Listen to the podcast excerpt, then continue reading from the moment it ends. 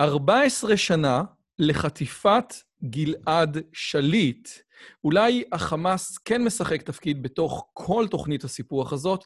מה ההבדל בין הגדה ובין עזה, ומה הקשר או ההבדל בין תנועת החמאס והאחים המוסלמים, ואולי השאלה שתרחף בכל הסיפור הזה, זה האם יש לפלסטינאים אספירציות לאומיות כעם.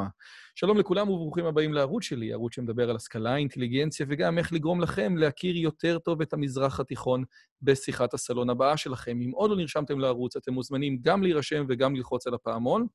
אם אתם רוצים לתמוך בנו, אתם יכולים או להזמין הרצאה שלי לכנס הבא שלכם, או לקנות אחד מהספרים, או להיכנס לפטריון ולתרום, יש לנו כל מיני דברים מגניבים, להיות פטרונים של הערוץ הזה, ושווה לכם להסתכל, כי שמנו שם כל מיני מדרגות מגניבות לגמרי. והיום אני רוצה להזמין בן אדם שהוא גם חבר טוב, והוא גם חוקר עצמאי בנושא האסלאם ומלחמות ישראל בכל המזרח התיכון, גיא אביעד, מחבר הספר לקסיקון חמאס, ויש לי אותו בכמה מהדורות. סליחה, יש לי שני עותקים מהמהדורה הראשונה, וזה ספר, זה הספר הראשון שאני מוזכר בו. כן, אני מוזכר בעוד ספרים, אבל אני כתבתי אותם, אז אני מוזכר בספר הזה. אומרים תודה רבה לרועי יוזביץ', איזה כיף. אז ערב טוב, גיא, מה שלומך? מצוין, מה שלומך, רועי? נהדר. אז אני רוצה רק שנייה, לפני שאנחנו נדבר על כל מיני דברים כאלה, לדבר על הספר הזה, הספר לקסיקון חמאס. המהדורה הראשונה יצאה באיזה שנה? יצאה בדצמבר 2008, למעשה ממש ביום או היום השני למבצע עופרת יצוקה. ומה שמעניין לא פחות זה שהמהדורה השנייה יצאה בשבוע הלחימה הראשון של מבצע צוק איתן. זאת אומרת, כל מי שרוצה לקבל התראה למלחמה או למבצע בעזה, שיהיה למהדורה הבאה הבאה, ואז הוא ידע שאנחנו הולכים לקראת מבצע. אגב, אני הייתי חלק, uh, כשגיא כתב את זה, ואנחנו גם נגיע, אני מקווה, יותר מאוחר לתהליך הכתיבה שלו, אז כשגיא כתב את הסיפור הזה, אז באמת היה התלבטות איך, איך לכתוב את הספר, אם לכתוב את זה בתור textbook עם פרקים, וההחלטה בסופו של דבר הייתה לעשות את זה לקסיקון, סוג של אנציקלופדיה של ערכים. אז אה, יש אה, ערכים על, על גלעד שליט, במהדורה הזאת הוא עדיין לא הוחזר הביתה, במהדורה הבאה הוא, הוא, הוא, הוא כבר הוחזר. ויש, הנה, ג'אברי אחמד סעיל, כן? הנה, זאת דוגמה טובה, אני לא יודע, מי שרואה בפודקאסט הוא לא רואה, אבל פה כתוב 1960 עד חי עדיין, ומה שיפה, שהספר הזה הוא כמו אלבום של חבורת הזבל, כן? מדי פעם אתה צריך לעשות איקס על אנשים שטיפלו בהם. אז אומר, היו הרבה, היו הרבה אנשים שהיית צריך לעדכן, נכון? את תאריך הפטירה שלהם בין המהדורה הראשונה למהדורה השנייה. אין ספק, שמע, קרו כמה וכמה דברים. קודם כל, היה לנו באמת פסקת שליט. היה לנו את כל נושא האביב הערבי ששינה את כל המאזן המדיני של חמאס אל מול מדינות ערב. היה לנו כמובן מבצע עמוד ענן באמצע, שבו גם חוסל אחמד ג'אברי בפתחו של המבצע. וכן, וגם עם הסתכלות לגדה לכל מיני תשתיות וחוליות שנתפסו גם שם. אז היה ערב רב של ערכים, גם לעדכן את אלה הקיימים, וגם כמובן להוסיף חדשים ולעבות הספר ולתת לו עומק נוסף. טוב, אז אני רוצה לדבר על מה אני רוצה לדבר איתך היום אה, בהקשר של החמאס. קודם כל, 14 שנה לחטיפת גלעד שליט, זה, אני חושב שזאת אולי נקודה שהציבור הישראלי חווה בתור משהו שהוא מאוד מאוד מאוד מטלטל עם הרבה מאוד אה, אה, יחסי ציבור, כן? יש לנו עדיין שבויים אה, אה, מנגיסטו, נכון? מה, מה השם שלו? יש לנו את אברה מנגיסטו והישאם א-סייד, ויש לנו כמובן את שני החיילים, אה, זיכרונם לברכה, אה, כמובן הדר גולדין ואורון שאול.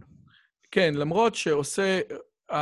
כאילו, פה זה חיילים שנפטרו, שנהרגו, ופה מדובר על החזרת גופות, ואצל מנגסטו מדובר על בן אדם שחי.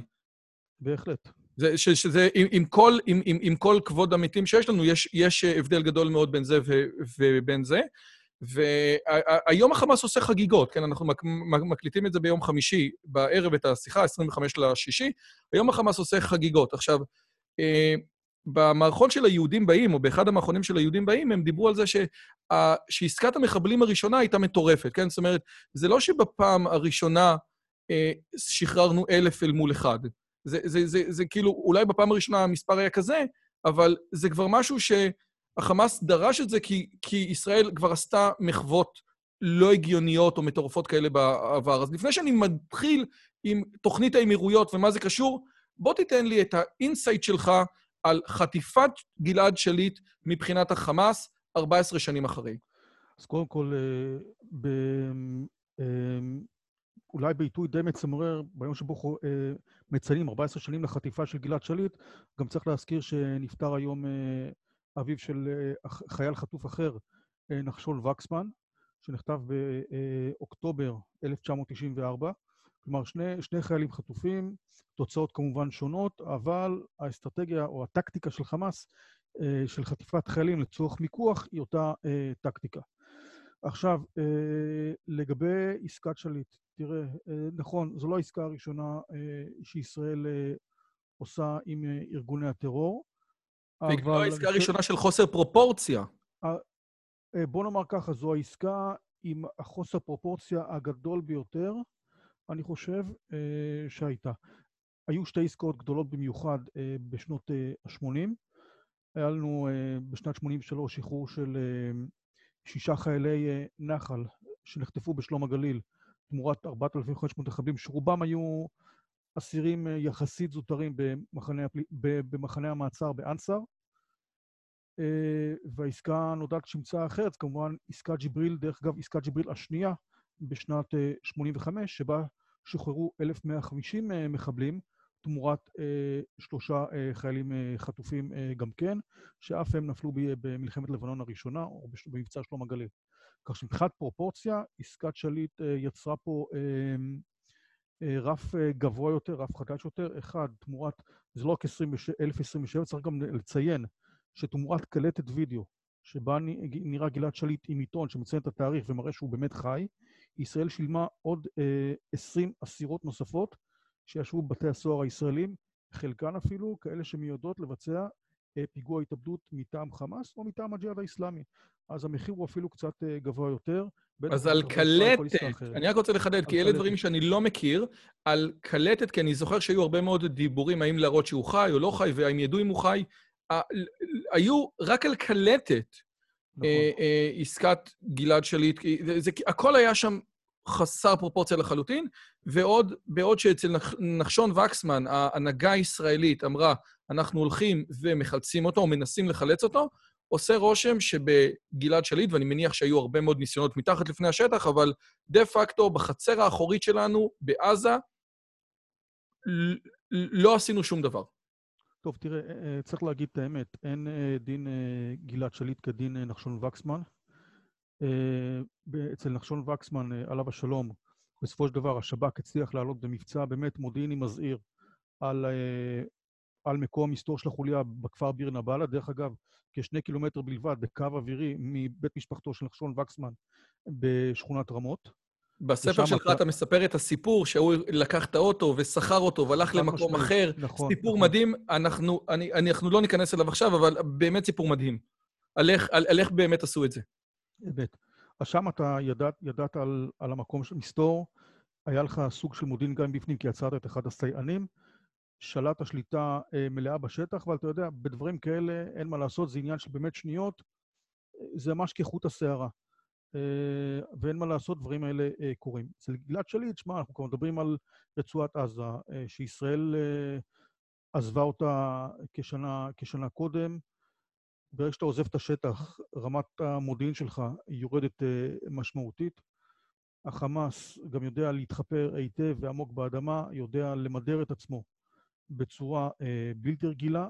אני הבנתי, ש... ברשותך, שהאנשים שהיו אצל גלעד שליט, זאת אומרת, החוטפים שלו, לא, לא עשו יומיות, כן? הם כאילו, ש, ש, כמה שנים היו שם, כאילו, היה טירוף מוחלט לגבי הסיפור היה, הזה, נכון? היה למעשה לחמאס סוג של uh, מעין יחידת צל, ככה היא נקראה, של כמה אנשים ששמעו באופן קבוע על גלעד שליט. מעט מאוד אנשים ידעו על הסיפור הזה.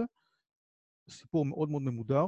אגב, רוב האנשים שהיו מעורבים uh, בחטיפ, בחטיפתו סלש כליאתו כבר לא איתנו כמובן. אתה מדבר על הסרטון המפורסם שבו מראים אותו יוצא עם הזה, אז כל מי שהיה שם, או, או, או בלי קשר לזה? לא, בלי שום קשר. אני מדבר על, על החוליה שבין השאר אה, ישבה איתו אה, באותו תא מעצר שהוא היה איפשהו ברצועת עזה. האחרים שליוו אותו אה, יחד עם המצרים לקראת העברה לישראל, היו שם בעיקר שניים שאני זוכר, זה היה את אחמד ג'עברי, שחוסל ב-2012, והיה את ראאד אל-עטר, מפקד חטיבת רפיח, שהוא חוסל במבצע צוק איתן לקראת סופו. זה עושה רושם שזה הדבר, אולי ההישג הכביר ביותר של חמאס אל מול ישראל בשנים האחרונות. היית מוכן לקבל את, ה, את האמירה הזאת? אה, לא, כי אנחנו מדברים פה על אה, איזשהו אירוע טקטי שהצליח, לעומת הרבה מאוד שלא הצליחו, שהוא מתורגם להצלחה אסטרטגית, אבל ההצלחה האמיתית של חמאס היא, לדעתי, היא הרבה הרבה קודם. זה עצם היכולת שלו, למרות כל ה... שמע, מדובר פה על ארגון שהתחיל באמת מקבוצה של די פרחחים מצפון... אה, הזרוע הצבאית התחילה במרכז הרצועה בעיקר, כמה פרחחים. בתוך שנים מעטות הם מצליחים אה, להקים לך תעשייה של ממש, של רקטות ושל מטענים וחופרים מנהרות, והרבה מאוד ידע מגיע מבחוץ, והרבה מאוד הבחות אה, של חומרי חבלה. וזה ארגון שהוא בעצם צריך לזכור, הוא מתעמת מול אחד הצבאות הכי חזקים בעולם, ומול שירות הביטחון הכללי, שהוא אחד מארגוני הביון באמת מהמשובחים אה, אה, בתבל, אין על זה אה, ויכוח. ולמרות כל הניסיונות של ישראל, וכל המבצעים הבלתי נגמרים, והסיכולים המוקדים, והמעצרים, ומה שאתה לא רוצה, בסופו של דבר, החמאס אה, יצר לעצמו שלטון, יש לו כוח צבאי משמעותי, ופה אני רוצה אולי רגע לגעת בנקודה שהיא מאוד מאוד קריטית אה, להבנה. אה, כמה בעצם אנחנו הצופים, הצופים במידה, אנחנו המאזינים במידה מסוימת, אה, מרומים על ידי ממשלת ישראל. ומה זה בא לידי ביטוי? לאור, אומנם למדינת ישראל אין תפיסת ביטחון רשמית, אבל תפיסת הביטחון הלא רשמית בנויה מכמה וכמה קווים אדומים שלאורם פועלת ישראל. אתה יכול להסביר לי מה... סליחה, רגע, סליחה, סליחה, אני מצטער, כי, כי אתה אומר דברים שאני צריך לעצור. בבקשה. אתה יכול להסביר לי מה זה תפיסת ביטחון רשמית ומה זה תפיסת ביטחון לא רשמית? שלמעשה יש אה, מסמך מתכלל שכותב את, את החזון של המדינה, את העקרונות שלה, את איך אתה מגיע לזה, מסמך מפורט אה, מא' ועד, אבל היו כמה ניסיונות כאלה, אבל אף פעם זה לא קיבל את הפלומבה הרשמית של ממשלת ישראל, ולכן עד היום היא לא פועלת למשהו שהוא אה, אה, חתום, נעול וסגור, אלא הוא הרבה יותר אה, גמיש. אבל מה שכן יש, יש כמה וכמה אה, קווים אדומים. אחד מהקווים האדומים המפורסמים אומר שלא, ישראל לעולם לא תשלים עם צבא ממערב לירדן. אבל אם אנחנו מסתכלים על המציאות בשטח, מה אנחנו בעצם רואים? הרי הרמטכ"ל כוכבי מדבר על צבאות טרור. אז מה, מה זה איזה דין אל-קסאם היום עם קרוב ל-30 עד 40 אלף פעילים חמושים מכף רגל ועד ראש, אם לא צבא? זה אוגדת עזה של חמאס. יש פה כוח צבאי שנהיה כבר כוח די רציני, עם רקטות שמגיעות לא, כבר לא לתל אביב, הן מגיעות, וראינו את זה גם בצוק איתן, עד לחיפה. יש לו את היכולת להשבית אה, מדינה שלמה לאורך לא מעט ימים, ולגבות מאיתנו מחירים כבדים. זאת אומרת, אנחנו פה בעצם מוהים מתחת לאף שלנו, ממערב לירדן, צבא, אולי אנחנו לא קוראים לו ככזה, למרות שלאחרונה שינו את הטרמינולוגיה, אבל יש פה צבא, הכל, הכל בסדר, לא עושים... רגע, אז אני, רגע, גיא, אז מה אתה אומר? אביב כוכבי, שהוא בן אדם סופר אינטליגנט, כדי שזה יסתדר לו עם הקווים האדומים, פשוט שינה את השם של החמאס מצבא לצבא טרור, ואז זה מסתדר לו? לא, זה לא, זה לא עניין של מסתדר, זה מבחינתו טרמינולוג, טרמינולוגיה שהוא עצמו קבע, בשביל להגיד, זה, זה האיום שלאורו אנחנו צריכים אה, לפעול. אבל אמרת שישראל לא מוכנה, לקב... לא, מוכנה ל... לא מוכנה שיהיה איום כזה בכלל. זה, זה הקו האדום שלה המוצהר, אבל בפועל היא למעשה לא פועלת לאורו. אה, בפועל, אוקיי. מה קם לנו פה? קם לנו פה צבא שלה ממש ברצועת עזה. אגב, צריך גם להגיד עוד משהו, זה לא רק חמאס. יש גם את הג'יהאד האיסלאמי, הארגון השני בגודלו ברצועה, שכוחו, בוא נאמר, סדר גודל של uh, כ-25 עד 30 אחוז מכוחו של חמאס, אבל עדיין אנחנו מדברים פה על בין 8,000 ל-10,000 חמושים, עם כוח רקטי לא פחות אה, מאשר של חמאס. וכשאתה מחבר את זה ועוד זה ועוד פלגים יותר קטנים, אנחנו מקבלים פה סדר גודל של קרוב ל-50 אלף חמושים בממוצע, שבסופו של דבר, אם, אם וכאשר יהיה מבצע צבאי לכיבוש הרצועה באיזשהו תרחיש, צה"ל יצטרך להתמודד מול כוח לא קטן. זה צבא של ממש. אז, אז תראה, אתה מכיר את זה שאתה מדבר עם בן אדם שלא נפגשת איתו הרבה זמן, ואתה שוכח את השם, אתה לא זוכר את השם שלו, והשיחה כבר מתקדמת ברמה שכבר לא נעים לך לשאול אותו מה השם שלו. כי אתה כבר מדבר איתו עשר דקות. וזאת התחושה שלי עכשיו, אבל אני אתגבר על חוסר הנעימות, כי אנחנו, כי הרבה מאוד, אני מדבר עם אנשים סופר מקצועיים, עם, עם, עם, עם מוטי קידר ואיתך ועם עוד אנשים אחרים, ועושה רושם שחלק גדול מהמאזינים, או לפחות אני, לא ממש סגור על כל הדברים האלה. ואני ברשותך מבקש ללכת אחורה ולעשות קצת סדר. הספר שלך מתחיל בהיסטוריה של תנועת חמאס, שהיא mm-hmm. מתחילה מההיסטוריה של האחים המוסלמים. עכשיו, אנחנו נכון. שומעים אחים מוסלמים, מבחינתנו זה מצרים, אבל אנחנו יודעים שמצרים היא... אז, אז, אז ברשותך, אני מבקש, סליחה שאני אומר את זה, אבל אנחנו רוצים לעשות סדר אחת ולתמיד, כי כשמוטי קדר אומר, גדה ועזה זה לא אותו הדבר, אני רוצה עכשיו שכל מי שהיה לו לא נעים לשאול מה ההבדל ומה הגבולות, בואו נתחיל בבקשה מהאחים המוסלמים. בקצרה, נתקדם לחמאס, לג'יהאד, נראה מה קורה. ובסופו של דבר, אני רוצה גם לעשות את זה תוך כדי השאלה שאנחנו רוצים עליה הרבה בערוץ, זה באספירציות הלאומיות שלהם, כאשר הטענה של תוכנית האמירויות, שדיברנו עליה הרבה בערוץ, היא טענה מאוד פשוטה. לא, אין עם פלסטיני, מכיוון שכדי שייווצר עם, צריך שדה פקטו האנשים יתחתנו בינם ובין עצמם. יש עם יהודי-ישראלי חדש, עובדה שאשכנזים מתחתנים עם ספרדים ועם תימנים, זאת אומרת, יצר, החברה הישראלית יצרה כור היתוך. אין עם ישראלי שישראל, שיהודים מתחתנים עם ערבים, למעט ממש בשוליים. ומכיוון שאין עם פלסטיני, אז אין תודעה לאומית פלסטינאית, ולכן מה שצריך זה בר... אה, שליטה ברמת החמולה. כנגד זה, אתה יכול להראות את, ה... אה, את הלוגו, אה, נקרא לזה, כן, את הלוגו של החמאס, אני אראה אותו פה, ומי שלא רואה אותו כי זה בפודקאסט, יכול לראות שיש את אל-אקצא, את כיפת הסלע, עם, עם, עם שתי חרבות, ומעל זה תמונה של כל מדינת ישראל. נכון? זה, זה, זה הלוגו של חמאס עם הירוק המזעזע. עכשיו, השאלה שלי היא כזאת, עושה רושם שהלוגו של חמאס הוא עם אספירציות לאומיות מאוד גדולות, ומרדכי קדר אומר משהו אחר. אז בואו נתחיל בבקשה מהאחים המוסלמים ונתקדם קדימה. אז ככה, צריך לזכור שהאחים המוסלמים אה, קמו באמת במצרים על ידי אה, מורה לדת בשם אה, אה, חסן אל-בנה.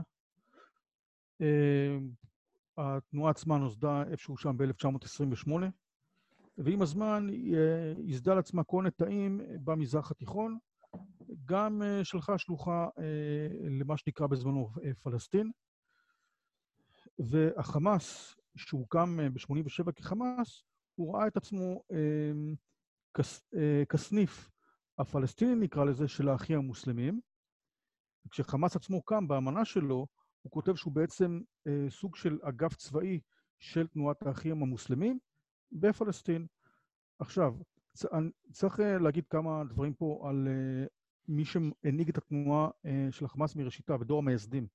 דור המייסדים, כמו אנשים כמו אה, אחמד יאסין, אה, סאלח שחאדה, עבדל עזיז רנטיסי, אה, מחמוד עזר ואחרים, אנשים שאנחנו מאוד מכירים, כאילו, אתה נותן נכון. שמות שהם household name ביחס לישראל. כי אני סתם להציף שמות, אה, זה לא ייתן הרבה. אה, כל האנשים האלה שמניתי שהם אבות מייסדים של תנועת החמאס, למדו במצרים, התחנכו על ידי, על אה, תורת האחים המוסלמים, גם על הכתבים של אל-בנה, גם על הכתבים של סייד קוטוב. מהי התורה הזאת בכלל? מה, מה התורה? זו תורה דתית שכולם צריכים להיות אסלאמים ולהיות יותר צדיקים ומוסריים לפי הקוראן?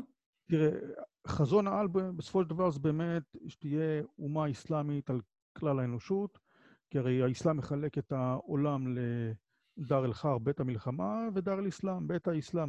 כל מי שמוסלמי הוא איתנו, בסדר, כל מי שלא איתנו בעצם כופר, צריך להילחם בו. עכשיו, צריך לזכור שהאחים המוסלמים, הם צמחו מתוך חוויה מאוד מסוימת, הוויה של כיבוש בריטי את מצרים, פלוס אמ, שלטון מלוכני מצרי, שהיה סוג של וסל או פטרון של הבריטים, נשען במידה רבה על כידוניו, וגם היה חילוני, שלא לומר נהנתני. אותו אלבנה גם קרא בעצם לשחרר את מצרים מהכיבוש הבריטי, אבל גם בעצם לתקן את החברה מבחינה מוסרית, להחזיר אותה בתשובה לנורמות המצופות באסלאם. עכשיו, האסלאם, האחים המוסלמים דוגלים בבנייה איטית יחסית של מוסדות בתוך החברה, מה שמכונה שם וגם מה שכונה על ידי החמאס מנגנון הדעווה, כלומר התשתית האזרחית, שזה גני ילדים, אגודות צדקה, מסגדים, תאי סטודנטים, עיתונים, מה שאתה לא רוצה, שהם בעצם משרתים את החברה ועושים נפשות לרעיון הזה על ידי מתן שירותים סוציאליים. תן לי לשכנע אותך שהגישה שלי נכונה על ידי זה שדרך המדריך במתנ"ס, על ידי זה שהגננת תעשה את זה. אני לא, וזה מה שאני מקבל מהספר שלך, האחים המוסלמים לא באו עם רובים ונשק. הם באו עם המניפסט ועם כוח השכנוע. זה נכון להגיד את זה? זה נכון עד רמה מסוימת, כי בסופו של דבר הם גם הקימו אה, תאים אה, צבאיים, תאים מזוינים, שניסו לערער על המשטר, והיו גם התנגשויות בין התאים האלה. בסופו של דבר אה, התנגשו במנהיג האחים, במנהיג האחים המוסלמים. היו כמה גלים של uh, uh, מעצרים של האחים המוסלמים, למשל סייד קוטוב, האידיאולוג של האחים המוסלמים, בעיקר בשנות ה-50, ישב עד הוצאתו להורג בשנת 66' uh, בכלא, הוא כתב uh, לא מעט הגות אסלאמית uh, בנושא הזה, אבל בהחלט הייתה גם, היה גם ניסיון להקים מחתרות חמושות, גם אל מול הבריטים בזמנו, אבל גם אל מול המשטרים בהתחלה המלוכני, ואחרי זה גם מול המשטר של הקצינים החופשיים, נגיב ואחרי זה נאצר. אפילו אני מזכיר לך, אמ, היה ניסיון של תנועת האחים המוסלמים בשנת 54' להתנקש בנשיא גמל עבד אל-נאצר, ומאותו רגע המשטר המצרי בעצם הוריד את הכפפות ונכנס מאוד מאוד חזק בתנועה הזו, וכלה חלק ניכר משכבת ההנהגה, וזה חזר על עצמו פעם ועוד פעם. עד שהורידו את, אה, הורידו את מובארק, ואז עלו עוד פעם אחרי מוסלמים, ועד שוב פעם הם ירדו, לא? רגע. עכשיו צריך להגיד עוד רגע עוד משהו על מצרים. האחים המוסלמים הם פלג דתי הגדול ביותר במצרים, אבל היו, צצו בעיקר בשנות ה-70 זרמים מיליטנטיים יותר, שבעצם לא ראו ממטר, המטרה היא בעיקר לעשות התנגדות חמושה, להוציא פיגועים אל הפועל, זה בא לידי ביטוי בהקמה של אה, הג'יהאד האיסלאמי המצרי. זה פיגועים. נגד, נגד המצרים. בעיקר, כן, כן, כן, חד משמעית, נגד המשל. שמע, את סאדאת כינו סוג של פרעה. כשהמתנקש, אה, אותו חאלד אל-איסלמבולי, שירה בשישי באוקטובר 81 בנשיא אנואר סאדאת, הוא צעק, אני הרגתי את פרעה. זה היה הגישה. אז יש לנו גם את הג'יהאד המצרי, ויש לנו את הג'מאע אל-איסלאמיה, את הקבוצות האסלאמיות, אה, שמי שעמד בראשן, בין השאר, חלק מהשנים זה היה אותו השייח' עומר עבד אל-רחמן, שהיה כלוא במשך שנים רבות אה, בארצות הברית על פיגוע התאומים הראשון ונפטר לדעתי אה, לא כך מזמן. והג'יהאד האסל... האסלאמי המצרי, לימים עמד בראשו איימן זוואירי, סגנו של בן לאדן, ומי שעומד היום בראש אל-קאעידה. אז אתה רואה פה את ההקשרים לכל מיני כיוונים. עכשיו, האחים המוסלמים, עם הזמן אה, ניסו להתמתן, ניסו להיכנס למשחק הפוליטי, יצרו כל מיני פלטפורמות אה, מפלגתיות, אבל בדרך כלל מובארק אה, גם קיצץ להם את הכנפיים ולא, ולא נתן להם להרים את הראש. כאשר מגיע בעצם האביב הערבי, ומובארק נזרק מכל המדרגות במידה רבה על ידי הממשל האמריקאי של אובמה, אז האחים המוסלמים, שבעצם היו קבוצת האופוזיציה, אז מורסי נכנס. מה זה? אז מורסי נכנס. אה, לקח טיפה זמן, אבל האחים המוסלמים, שהם היו הקבוצה המאורגנת ביותר, הנטועה ביותר, בעצם היא, היא הייתה הבאה בתור, לא היה פה הרבה אלטרנטיבות. הייתה תקופת מעבר שבה היה השלטון של uh, טנטאווי, מי שהיה שר ההגנה המצרי, ובהמשך היו בחירות, ואז האחים המוסלמים uh, בראשות uh, מורסי למעשה לקחו חלק ניכר מהפרלמנט. אה, ומורסי במשך קרוב לשנה היה הנשיא המצרי, נכון, חד משמעית. ובתקופה הזו, אה, מבחינת חמאס, זה עדנה. לחמאס זה גרם לעשות בעצם כמה, כמה וכמה דברים. קודם, זה נותן לחמאס ביטחון רב שיש לו גב של תנועת האם במצרים, ואני רוצה להזכיר משהו אולי הצופים לא מכירים, אבל בעיצומו של מבצע עמוד ענן, שצה"ל מפציץ מהאוויר וכותש את רצועת עזה, מגיע לא פחות ולא יותר ראש ממשלת מצרים לתוך הרצועה בזמן הלחימה, ולמעשה, תקרא לזה איך שתרצה, אבל הוא סוג של מגן אנושי מטעם האחים המוסלמים. ואתה די כובל את הידיים של ישראל בסיטואציה הזאת, וזה לא מעט. אבל דבר נוסף שהסיפור הזה עשה, והוא פה חשוב להבנה של חמאס ואת התפנית האסטרטגית שהיא עשתה באותה תקופה, זה להישען על מצרים, שהיא ראתה את האחים המוסלמים עכשיו כשולטים במצרים לעוד הרבה שנים. היא לא תיארה לעצמה שעבד אל-פתאח סיסי ידיח את אה, מורסי בהפיכה. מה שחמאס בעצם עושה, על רקע מלחמת האזרחים שהולכת ומתגברת בסוריה, מפנה עורף לאסד, שהוא במדינתו ישב קרוב ל-20 שנה אה, בדמשק, בגלל שהוא טובח, טובח את סניף האחים המוסלמים בסוריה. אני מזכיר, אסד הוא עלאווי, רוב הסורים הם סונים, תומכי האחים המוסלמים. החמאס מפנה עורף לאסד, לא מוכן לקבל את הטבח הזה בתנועת האחות, עושה בעצם סוג של גט כריתות אה, לאסד, מתוך הבנה שגורלו יהיה כשל אה, אה, מובארק, כשל קדאפי, כשל עלי עבדאללה סאלח מתימן. ו... אבל הוא עושה רושם שהוא שוכח את פוטין בכל הסיפור הזה, יכול להיות? פוטין באותה תקופה אה, פחות, פחות רלוונטי אה, לחמאס, ועוד ב-2012 הוא עוד לא נכנס במלוא העוצמה לסוריה, יש את האינטרסים הרוסים, זה נכון, אבל המעורבות הסור... הרוסית, כפי שאנחנו מכירים אותה היום, עוד אי אפשר לראות אותה ב-2012, בטח לא באותה אה, עוצמה. והחמאס בעצם מקבל אה, תפנית אסטרטגית, שהוא אומר שלום אה, למה שנקרא כביכול ציר הרשע של איראן, סוריה, חיזבאללה, שם את כל יהבו על מורסי ומצרים, ועל פניו הכל סבבה. אבל בא אדון אה, סיסי ביולי 2013, עושה הפיכה, מדיח את מורסי, מכניס אותו לבית הסוהר, והחמאס בעצם אה, נכנס למלכוד. הוא רואה שכל ההחלטות שהוא קיבל אה, בטווח הבינוני בעצם קרסו כמגדל קלפים. הוא זנח משענת נאמנה של הרבה שנים של סוריה, איראן, ומצד שני, מי שהוא רצה להסתמך על האחים המוסלמים במצרים, הם כבר לא בשלטון, ועלה להם גנרל, גנרל יותר נמרץ מובארק אה, בלחימה בטרור, ובעצם עכשיו החמאס אה, נותר בלי בעלי ברית משמעותיים, לא בצפון ולא בדרום. אבל זה קורה ב-2013, אנחנו כבר שבע שנים לכאורה, מה, מה שאתה אומר זה מאוד מוזר. מצד אחד אתה אומר, תקשיב טוב, חמאס עשה שתי טעויות אסטרטגיות. אחד, עזב את איראן בציר הרשע כי הוא הרגיש מספיק גדול אל מול מורסי, ולכן הוא לא מקבל את האספקה שלו כמו שהוא היה יכול לקבל אותה מאיראן.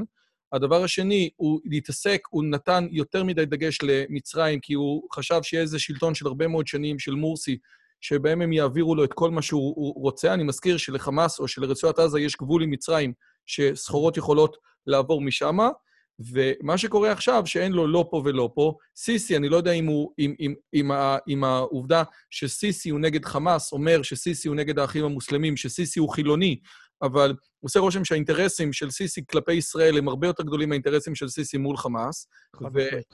ואני יודע מהגינה הקטנה שלי, שאתה לא משקה עץ כמה, שאתה לא משקה שיח כמה ימים הוא נובל. איך יכול להיות שאתה לא משקה את תנועה במשך שבע שנים והיא עדיין חיה? בואו תסביר לי את זה.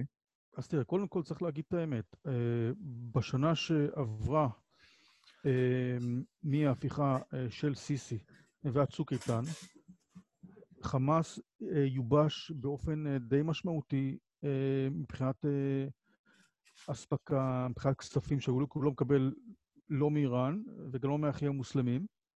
ודרך אגב, נוצר, נוצר משבר מאוד מאוד קשה, משבר כמעט הומניטרי ברצועה, שהוא אחד מהסיבות שהובילו בסופו של דבר להסלמה שהובילה למבצע צוק איתן. זה אחת הסיבות, לא הסיבה העיקרית, אבל היא עמדה כל הזמן ברקע. צריך לה, להבין, החמאס שולט בעזה מ-2007 באופן אבסולוטי. לרצועת עזה. בבחירות דמוקרטיות, אני רוצה... בחירות דמוקרטיות. אגב, אתה. אתה מסכים שהבחירות הן, אה, אה, סליחה שאני מפריע, אבל אתה מסכים שהבחירות הן דמוקרטיות אמיתיות? זאת אומרת שהציבור הפלסטיני או הציבור בעזה היה אה, אה, נגעל ונמאס לו מההנהגה של הרשות הפלסטיני, הפלסטינאית, שבעצם ניצלה אותו, כפי שאני שומע אה, מחוקרים אחרים, ובעצם העדיף לקחת אנשים, שאנשי חמאס זה אנשים שהם כאילו יותר מסורים, יותר, לא אנשים ששומרים את הכסף בבנק, והבחירות האלה היו בחירות שמבטאות את הלך הרוח האמיתי של הציבור בעזה. אתה, אתה מוכן לקבל את הטענה אז הזאת? גם, אז גם כאן התשובה כמובן אה, קצת יותר אה, מורכבת. קודם כל, פתיח, אה, הבחירות לרשות הפלסטינאית, לפרלמנט, צריך להגיד לפרלמנט, היו ב-25 בינואר 2006. חמאס זכה ב-74 מושבים מתוך 132, כלומר כ-60% מהפרלמנט, שליטה אבסולוטית בפרלמנט הפלסטיני.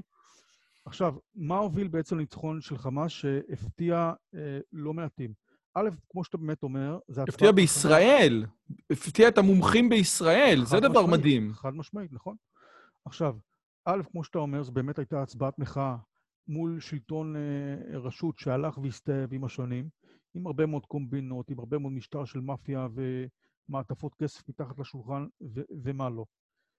אה, דבר שני, צריך אה, להגיד פה כמה דברים. אה, אנחנו מדברים בעצם על הימים שאחרי ערפאת, ועל ההבנה שבעצם החזון שאמור להיות בסוף אוסלו של הסדר קבע שיוביל למדינה פלסטינאית לא מתממש. כלומר, הרשות הפלסטינאית, אה, מ-93 ועד 2006, ששם היו הבחירות, לא סיפקה את הסחורה אה, לאור הסכם אוסלו. אה, מבחינת, מבחינת האוכלוסייה, אה, זה נתפס כמובן ככישלון, וצריך להזכיר שברקע, מה שהרשות לא הצליחה להשיג בשולחן המשא ומתן, החמאס הצליח להשיג ברצועת עזה, בהתנתקות, כחצי שנה לפני כן, אה, נסיגה ישראלית מלאה.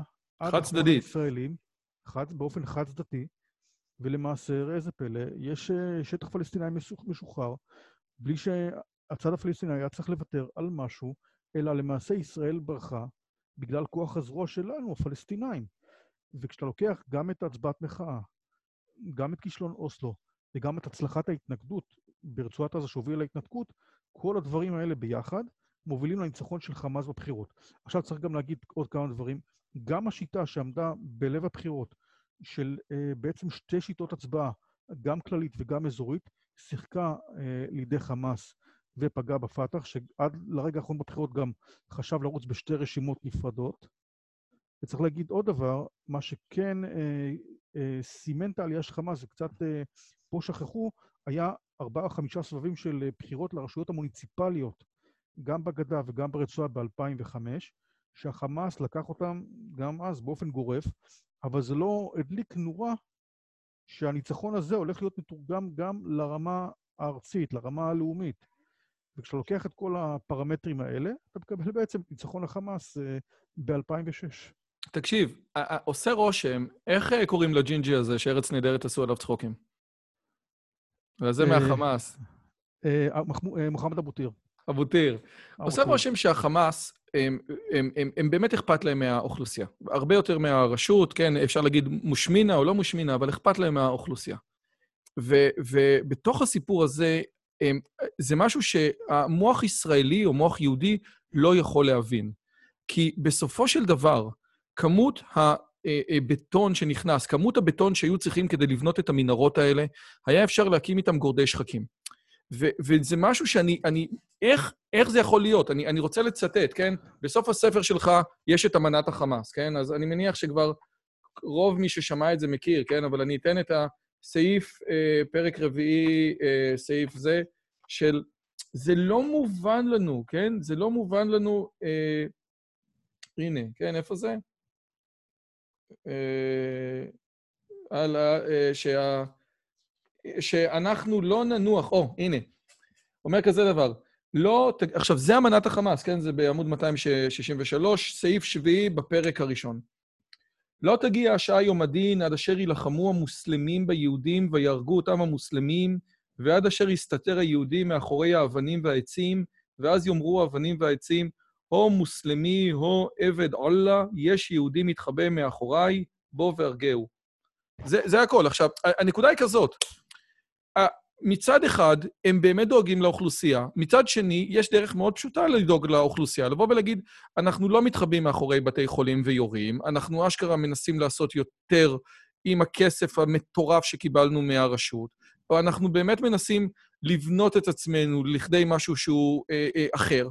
איך יכול להיות שדאגה לאוכלוסייה, כמו שאתה אומר, ואני חושב שאגב אתה צודק, היא מתנגשת עם משהו שהוא... זה לא עובד. אוקיי. מה קורה פה? אז ככה, קודם כל צריך לעשות פה הבחנה. התחלת להזכיר את זה בהתחלה, ואנחנו עוד נעמיק בזה. ההבחנה בין הגדה, שהיא כרגע פתחאווית, נשלטת על ידי הרשות, והחמאס אה, כרגע, יש לו תשתיות, אבל הן מוכרות כל הזמן שוקל ירך, גם על ידי המנגנונים של הרשות, ובטח על ידי צה"ל והשב"כ. ויש את רצועת עזה. שבה החמאס. שולט. שבה החמאס שולט, והיא הרלוונטית כרגע לשאלה שלך. עכשיו, תראה, אני רוצה פה אולי להפריך איזשהו אה, מיתוס קטן, ולהגיד ככה, עיקר הכסף שהחמאס מקבל, לאו דווקא הולך לבניית תשתיות צבאיות, הוא הולך לפעילות אזרחית. צריך להבין, חמאס הוא היום ממשל, יש לו אחריות על 2.1 מיליון פלסטינאים אה, שחוסים תחתיו, יש לו אה, כ-40 עד 50 אלף בעלי משרות, רובם בזרוע הצבאית של חמאס, שהוא צריך לתחזק אותם על בסיס שוטף, אבל חמאס, יש לו את מערכת הדאווה, את התשתית האזרחית, שהיא, שהיא לחם חוקו, שבלעדיה אין לו זכות קיום. ועל מה אנחנו מדברים? אנחנו מדברים בעיקר על רשת של מאות מסגדים שפרוסים מבית חנון בצפון עד uh, אזור uh, רפיח uh, uh, בדרום. מאות מסגדים, חלקם, ואני מכיר לא מעט מהם, ארמונות שאתה אתה לא, אתה לא מאמין איזה גודל, איזה פאר והדר. עכשיו, אנשים חושבים שמסגד הוא מסגד, אבל לא. המסגד הוא תכלית הכל.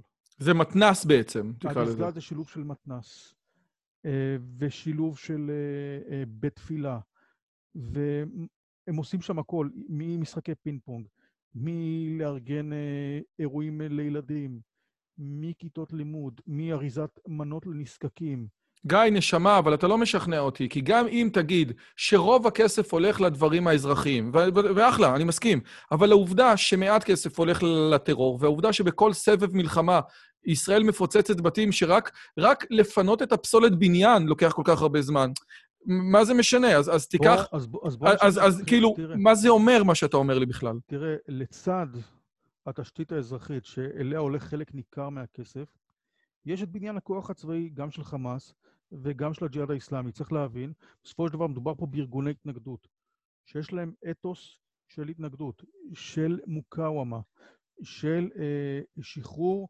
האדמה מהים, מהים התיכון, עד נהר הירדן. זה המצע שלהם. ועובדה שהם לא נחים לרגע, הם חופרים מנהרות, מייצרים, מייצרים אה, רקטות, מארחים את הטווח שלהם, מכינים הרבה מאוד מטעני חבלה, יש להם מטה, אה, מטה אגדה שמפעיל חוליות מרצועת עזה בגדה המערבית, אה, והם כל הזמן נערכים למערכה הבאה, כי חלק מהאתוס שלהם זה אתוס של שחרור לאומי מבחינתם. אז... מלחמה אה, עד, עד לניצחון, אין חוכמות פה. אז זה מה שדוקטור מרדכי קדר אומר. הוא אומר, כדי, מכיוון שאין עם פלסטיני שהוא עם בזכות עצמו ומאוחד בזכות עצמו, בלי קשר לאויבים שלו, אז מה שהרשות צריכה זה לייצר איזשהו אויב מדומיין שנקרא ישראל, כי בלי זה אין לרשות זכות קיום. אתה אומר אותו דבר, או, או, או לא אותו דבר, אה, אה, האם, האם א', אתה מסכים עם מה שדוקטור קדר אומר, והדבר השני, האם החמאס מבין או חושב או מאמין שבלי האתוס הזה של הלחימה, של, ה, של הלחימה בישות הציונית מהמזרח ועד, מהים ועד הירדן, אין לו זכות קיום. ולכן, הרעיון הזה שאנחנו, שהם יחיו בשלום על ידינו, זה, זה, זה בובה מייסס אחד גדול. או כמו שדן שפטן אומר, אין פתרונות במזרח התיכון, פתרונות יש רק בתשבצים. אז ככה, כמו שאמרתי שוב, התשובה, אה, בעבר, אני אגיד גם עכשיו, התשובה היא כמובן מורכבת. קודם כל, אני חושב שכן יש שם פלסטיני, ואני רגע, אני אענה על זה בהרחבה, אבל אני רוצה רגע להסתכל הסתכלות יותר רחבה. צריך לזכור שתופעה של יצירה של עמים היא תופעה שמלווה את האנושות מראשיתה. עמים נוצרים, עמים נכחדים, עמים מתערבבים, עמים נבנים מחדש. צריך לזכור שעד לפני uh, כמעט 100 שנה, רוב מדינות העולם שאנחנו מכירים היום לא היו קיימות בכלל. נכון. לפני ביסמרק לא היה עם גרמני, זאת אומרת, נכון. מה שמשה פייגלין תמיד אומר, תיתנו לי משורר פלסטיני מהמאה ה-19, אה, או מטבע, מטבע פלסטיני מהמאה ה-19, זה לאו דווקא הוכחה. גם לפני ביסמרק לא היה אומה גרמנית במובן שאנחנו מכירים, היו נכון, המון נסיכויות, וביסמרק איחד אותם. אבל נכון. כנגד זה יגיד לך מרדכי קדר, אין לי בעיות, רק שתדע לך שההגדרה של עם, בין היתר, זה שמתחתנים בינם לבין עצמם, וכל עוד לא מתחתנים בינם לבין עצמם, התודעה של האזרח הפשוט, לא של, האינטלקטו... לא של האינטליגנציה הערבית, היא לא של עם. מה תגיד על זה? אני לא, לא מסכים. תראה, אני חושב שתהליך בנייה של עם אה, זה לוקח זמן, זה דרך חוויות שנצרבות עם הזמן. דרך אגב, גם האומה האמריקאית הגדולה, בהתחלה הגיעו ל... ליבשת החדשה ממניעים אה, כלכליים, רדיפות דת וכולי באירופה. ייסדו לאט לאט מושבות, יצאו לעצמות ב-1776, שמה שאיחד אותם בעיקר זה אתוס הכיבוש, המלחימה נגד הכובש הבריטי כביכול, שהם היו במידה לא מעטה בשר מבשרה של בריטניה, רבים מהם. וגם אחרי זה, כשהיו את המושבות האלה, אני עדיין מזכיר לך, הם נלחמו ביניהם, הצפון מול הדרום, 80 שנה לאחר מכן. זאת אומרת, גם uh, ליצירתה ובנייתה של אומה, זה תהליך שלוקח זמן. יכול להיות שאנחנו כרגע נמצאים בעיצומו של תהליך ועוד יהיו שלבים נוספים שהעסק הזה יהיה יותר מהודק, אבל אני בהחלט חושב שיש פה עם פלסטיני. אמ, צריך גם להגיד את האמת, נכון שכרגע יש אה, רשות פתחאווית ורצועה חמאסית, הקשר ביניהם כרגע הוא מאוד רופף מסיבות כאלה אה, ואחרות, אבל זה לא אומר ש... שאין פה איזושהי שותפות גורל בין, ה, בין האנשים. אתה רואה את זה גם אה, אפילו בהנהגת חמאס. יש לה את הלשכה המדינית של חמאס, אז יש נציגים מהגדה, ויש נציגים מהרצועה, ויש נציגים מהגולה, ויש נציגות מבתי הכלא, וכולם מקבלים פה say. כן, אבל כשאבו מאזן היה בעזה, אז כמעט, אז הכדור שהופנה אליו הרג את המאבטח שלו, נו, אז מה, מה, מה עם זה? גם, ב, גם בתנועות שחרור לאומיות אחרות, זה היה נכון בטח ובטח, בעיקר באפריקה, בתהליך הדקולוניזציה בשנות ה-60 וה-70. היו לך מושבות אה, אה, תחת שלטון בריטי, צרפתי או פורטוגלי, שהיו שם מספר תנועות לאומיות, שלחמו קודם כל להעיף את הקולוניאליזם, ואחרי זה נלחמו האחד בשנייה. למרות שלפעמים הם, אה, הם מאותה קבוצה, אז מה? אז אתה יודע מה? אז נניח שאני מסכים איתך. אם אתה אומר שבאמת יש איזושהי שותפות גורל בין הרשות הפלסטינאית ובין החמאס, בין הגדה ובין עזה, שיש תודעה של עם שלוקח לו זמן להיבנות, האם, הרי, הרי כולם מבינים, אני, אני, אני, אני חושב, כולם מבינים שאם ברגע מסוים הפלסטינים יניחו את הנשק ויגידו, אוקיי, אנחנו רוצים לחיות כמו בני אדם, כמות הרב, הכסף שהם יקבלו מכל מיני מקומות, והפריחה שתהיה, אני מזכיר לכל מיני אנשים את הקזינו ביריחו, רגע לפני אחת האינתיפאדות שהיה, שהיה טירוף בלתי רגיל. זאת אומרת, כולם יודעים מה היה יכול להיות פה בתוך איזה עולם מדומיין. אז, אז, אז זה רק אנחנו שאנחנו, יש לנו אספירציות של עושה שלום במרומיו, הוא יעשה שלום עלינו, ולשכנים שלנו אין? אז תראה, עוד פעם, יש להם את האתוס הלאומי שלהם. תשמע, בסופו של דבר, צריך להגיד את האמת, החינוך שלהם הוא כזה, שאנחנו רוצים את פלסטין, פלסטין מהים ועד הנהר. אף פלסטיני, בין אם הוא מהפת"ח או בין אם הוא מהחמאס, בין אם הוא אה, יושב בגדה או ברצועה או במחנה פליטים בלבנון, לא שכח את הכפרים שנהרסו בשנת 1948, מה שמכונה הנכבה. החינוך הזה, מלמדים אותו גם בבתי הספר של הרשות וגם בספרי הלימוד של החמאס ברצועה. האתוס, האתוס הזה הוא מאחד את כל שכבות החברה. אתוס שני שמאחד כל שכבות החברה, זה הנושא של שחרור האסירים, שזה בקונצנזוס מספר אחת של, אמ, של הפלסטינאים. מחר חמאס יחטוף חייל, הוא לא עשה את החשבון, ההוא ההוא מהגדה או ההוא מהרצועה, את מישהו צריך לשחרר, לראייתו, הוא ישחרר. אתה ראית את זה גם בעסקת שליט, הרבה מאוד מהאנשים אה, ששוחררו, אה, מקורם בגדה, וחלקם, דרך אגב, הוגלו לעזה והקימו את מטה הגדה, אבל אה, שני הדברים האלה... השאלה אבל כמה החמאס שחרר מהפת"ח, זאת השאלה. מהפת"ח זה... יחסית מעט. אז לא, אז... אין מה לעשות, אז, אנשי שלומך קודמים.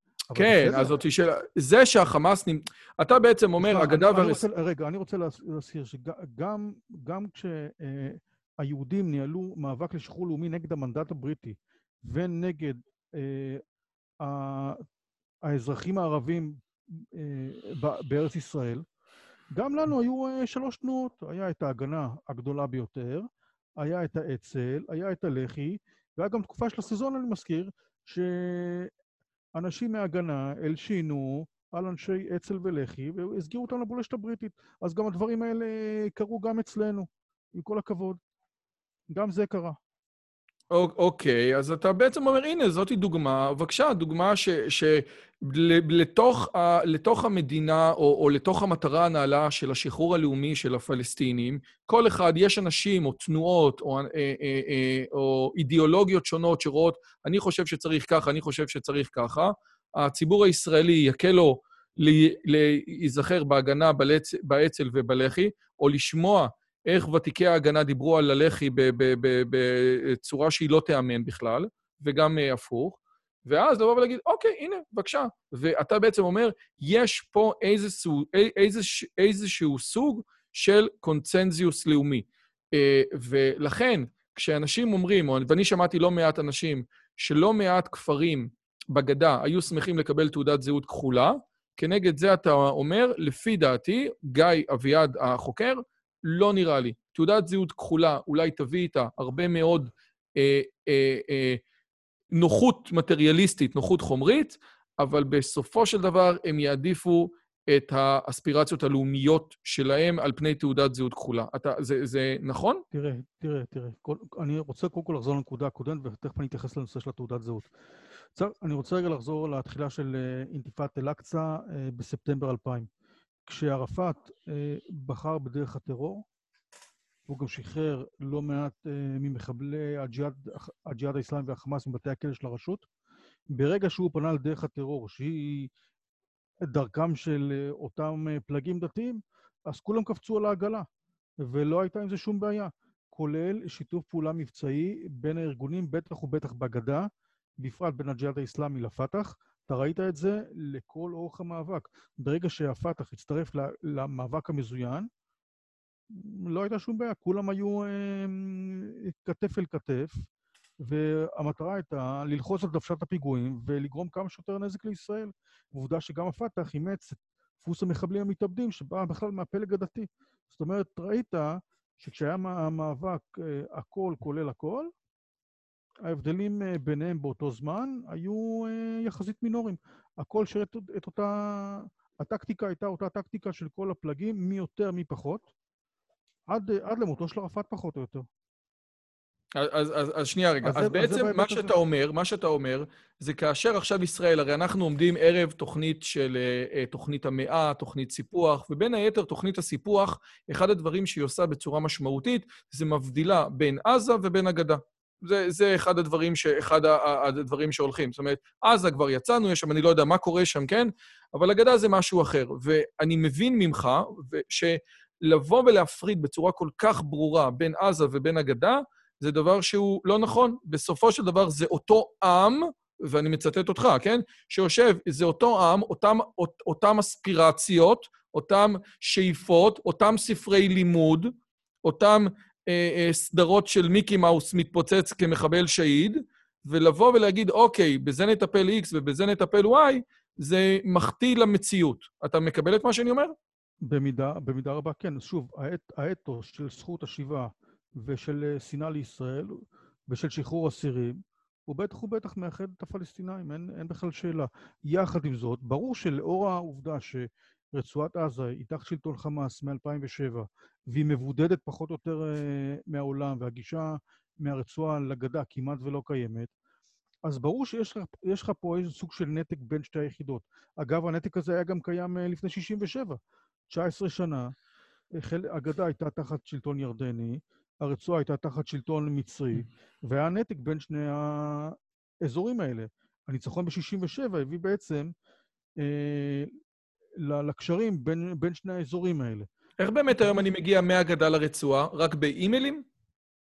מהגדה לרצועה, לא, אתה צריך, בוא נאמר ככה, אתה עובר, עובר לירדן, מירדן טס למצרים, ואם יש לך את כל האישורים הרלוונטיים, אתה עובר דרך מעבר רפיח ואתה ברצועה. על פניו, על פניו זו הדרך, בהנחה שאתה עובר את כל המכשולים, המחסומים, הבירוקרטיה הירדנית. אז בוא תחזור רגע לעניין התעודת הזהות הכחולה, בגלל שהרבה אנשים כל... אה, טוענים, הרבה אנשים בישראל טוענים כלפי חברי הכנסת הערביים, שיאללה, בוא נחזיר גם את המשולש. ואז הם אומרים להם, לא, לא, לא.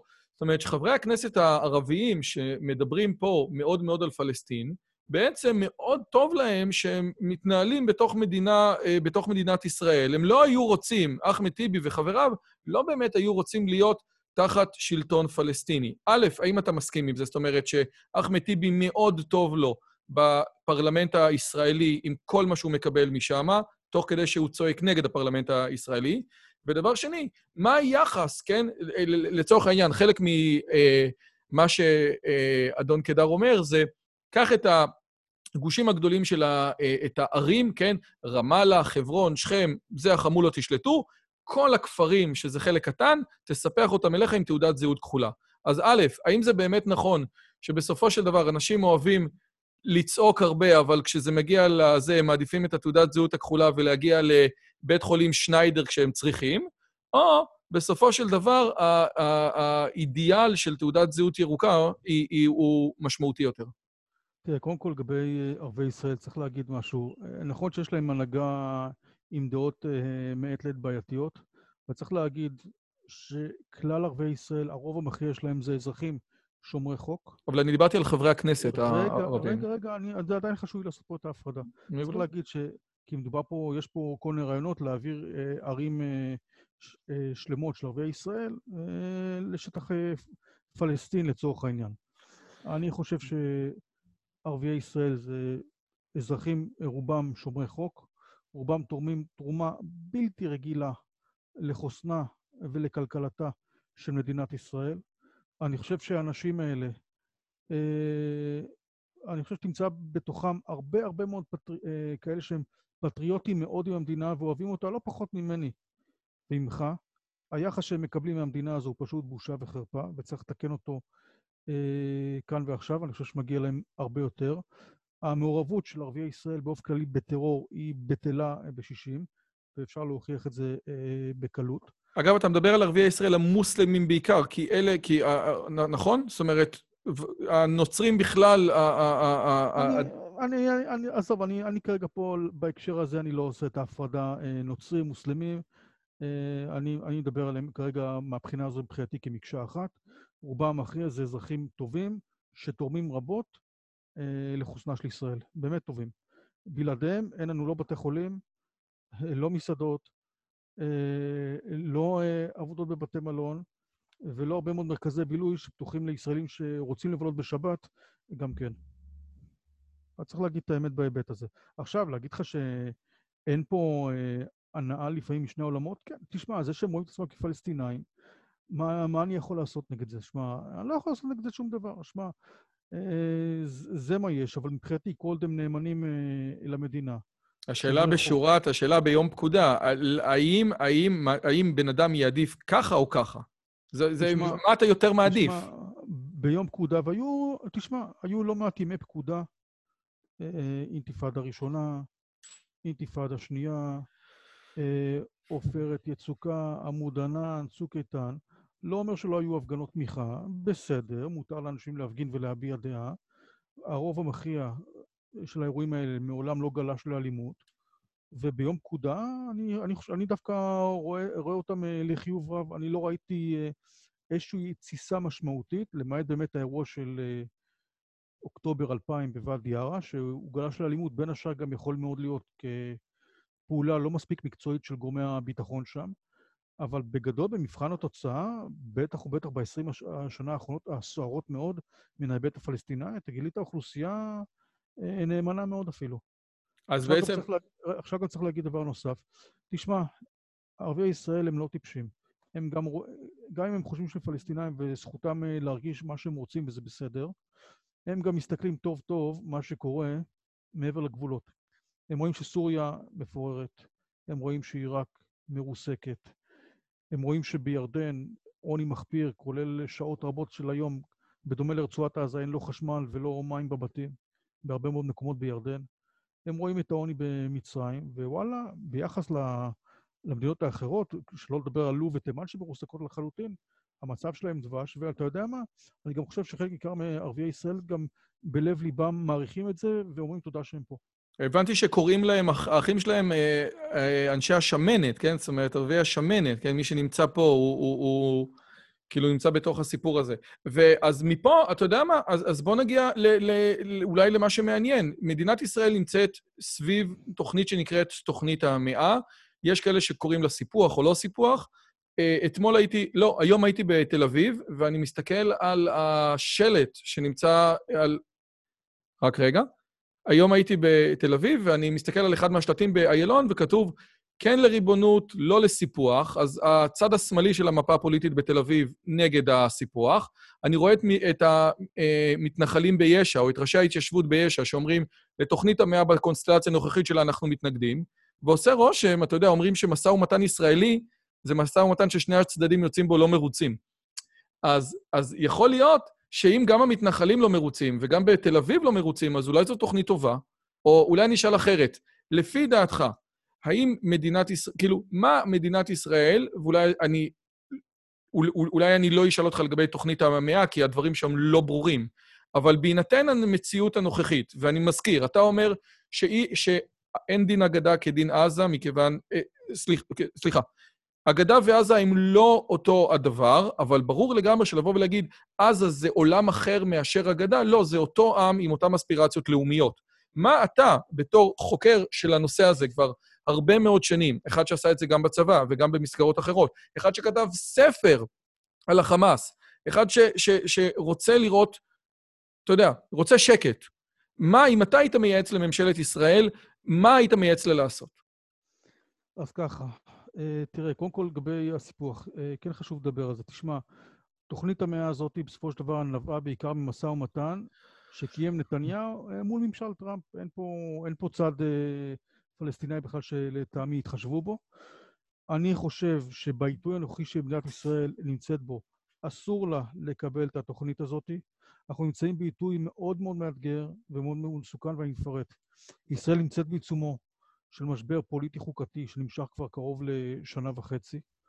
ישראל נמצאת בעיצומו של משבר בריאותי עמוק, שעוד את הסוף שלו אנחנו רחוקים מלראות, הוא כנראה יימשך קרוב לשנתיים.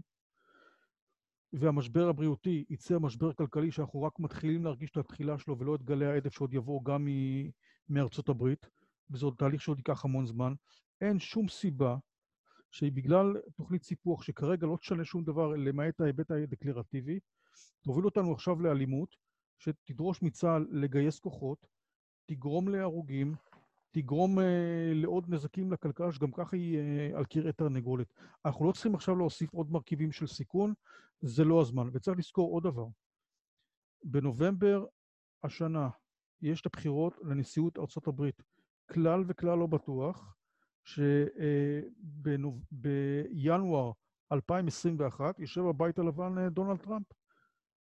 אה, אנחנו שמו את כל הביצים לדעתי בסל אחד, וזו סכנה משמעותית מאוד, אה, לאור אה, מזגו והטמפרמנט של טראמפ. אז יכול להיות בדיוק הפוך, דווקא בגלל מי שיגיד לך, נניח שמישהו יסכים איתך ויגיד לך, אתה יודע מה, אתה צודק, מכיוון שחלון ההזדמנויות נסגר, נכון מאוד, תשמע, אז זה מה שיגידו לך, תשמע, אז זה מהצד השני. זה, גניבה, זה סוג של גניבת סוסים, שהמפלגה הרפובליקנית, שעתידה מחר להיות השולטת בבית הלבן, לא מקבלת. זה משהו שכל, אה, שמרבית הקהילה הבינלאומית פה, אם לא, אם לא כולה, מתנגדת. זה נוגד לחוק הבינלאומי. ומה זה נוגד את החוק הבינלאומי? תשמע, בסופו של דבר כרגע, המעמד שלך אה, ביהודה ושומרון הוא לא מוכר על ידי הקהילה הבינלאומית. אבל רק שנייה, רגע. טליה איינורן, שהיא פרופסור למשפט בינלאומי, אומרת, תקשיב טוב, המילה סיפוח היא מילה שהיא לא נכונה. המילה סיפוח, מה שצריך להגיד זה החלת ריבונות. למעשה, אלו שטחים, עזוב, עזוב את החלטה 242, שהיא באמת החלטה מטורפת, אבל אומר, אלו שטחים שמדינת ישראל אה, אה, הם, הם שלה. מדינת ישראל, לפנים משורת הדין, מחליטה להכיל עליהם את החוק הבינלאומי, ולכן יש פה צריכים אה, אה, צו של אלוף פיקוד על כל דבר. אומר, יותר מזה, כדי לעשות החלת ריבונות, אני אפילו לא צריך, זה סתם החלטת ממשלה, זה, זה אפילו לא משהו שאמור לעבור בכנסת. אפילו, וזה גם יורם שפטל אמר, בהרצאה שלו ליחסי ישראל לארה"ב, אפילו אובמה, שהיה כל כך נגד, אמר שמפעל ההתנחלויות הוא לא לגיטימי. הוא לא אמר שהוא לא אה, אה, חוקי, כי אה, הדבר הלא חוקי זה רק להביא אנשים בכוח מישראל וליישב אותם בתוך ההתנחלויות. אז, אז אומרים אנשים, לפחות מהצד הימני של המפה הפוליטית, ואני מדבר עוד פעם, אני מצטט את פרופסור טליה איינורן, שה, שה, שהסוגיה החוקית היא, היא, היא יותר מורכבת מזה שאומרים זה לא חוקי. אומר, אנחנו מכילים ריבונות, וכדי להכיל את זה אתה רק צריך החלטת ממשלה. אתה יכול להגיד, זה לא חכם, זה לא בעיתוי, זה לא משתלם, זה גנבת סוסים אל מול הממשל האמריקאי, הכל נכון, אבל, אבל יכול להיות שזה כאילו שונה ממה שזה מוצג בחלקים מהתקשורת הישראלית? תשמע, בסופו של דבר, עוד פעם, אה, הגוף המוביל את הקהילה הבינלאומית זה מועצת הביטחון של האו"ם. הם קיבלו החלטות כאלה ואחרות. לא אני ולא אתה מסכימים אה, כמובן לחלקם. הרבה פעמים הם עוינים את ישראל. אה, מפעל ההתיישבות כמובן בדוב שרון חשוב גם לי, אבל צריך אה, לזכור, או שוב, בעיתוי הזה, זה פשוט יהיה אסון, אסון למדינה הזאת. זה דבר אחד. אתה אומר בעצם, אל תעשה כלום בראשון ליולי, בשני ליולי, בראשון לאוגוסט, אל תעשה כלום. בסופו של דבר צריך לזכור פה משהו. בגדה המערבית יש סדר גודל של קרוב לשלושה מיליון פלסטינאים.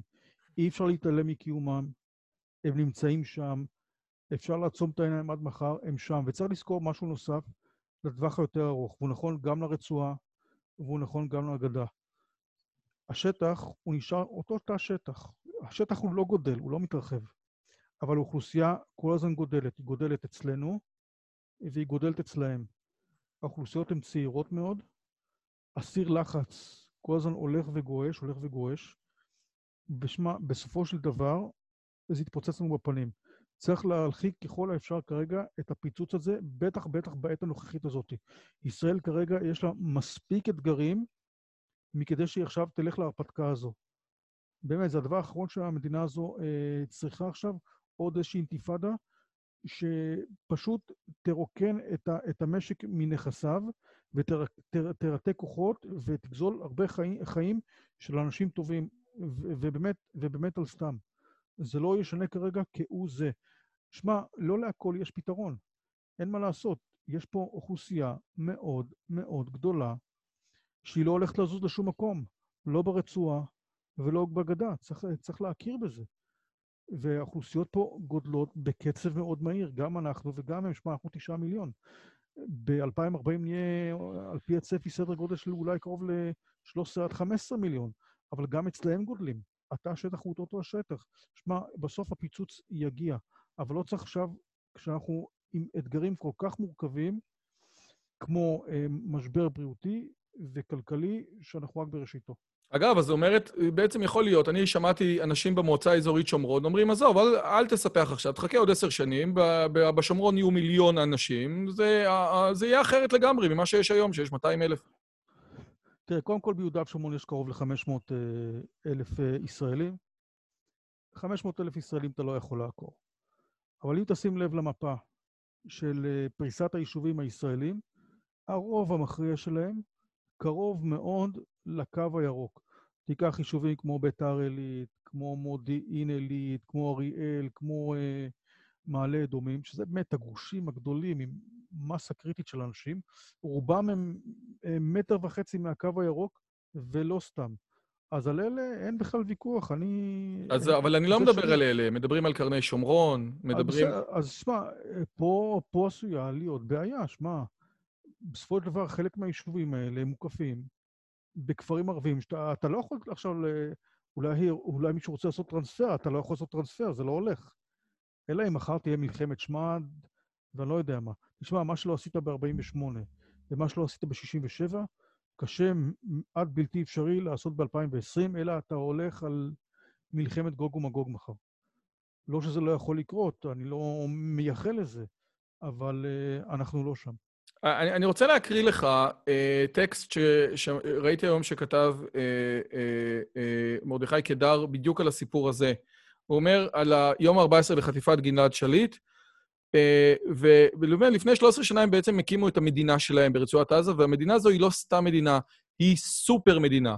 יש לה גבולות, צבא, משטרה, מערכת משפט, בריאות, חינוך, תעשייה צבאית, והם באמת יודעים לייצר טילים, כל מה שמדינה צריכה. ולא רק זה, המנהיגים שלה הצליחו לכפות, לכפות על אויביהם הישראלים להכיל אותם, להשקות אותם, לתת להם דלק, חשמל, תקשורת, לפנות יולדות בסיכון לסורוקה או לברזילי כדי שתלדנה באופן בטוח את הדור הבא של הג'יהאדיסטים.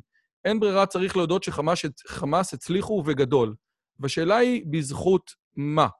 אז הוא אומר, מה מאפשר למדינת חמאס בעזה לחיות חיים מסודרים פחות או יותר, בוודאי בהשוואה לסוריה, לוב או תימן? הוא אומר, נכון, חמאס לא מרחמים על מי שמדבר נגדם ומפעילים נגדו כוח, אבל יש משהו שנסתר מעיני הישראלים.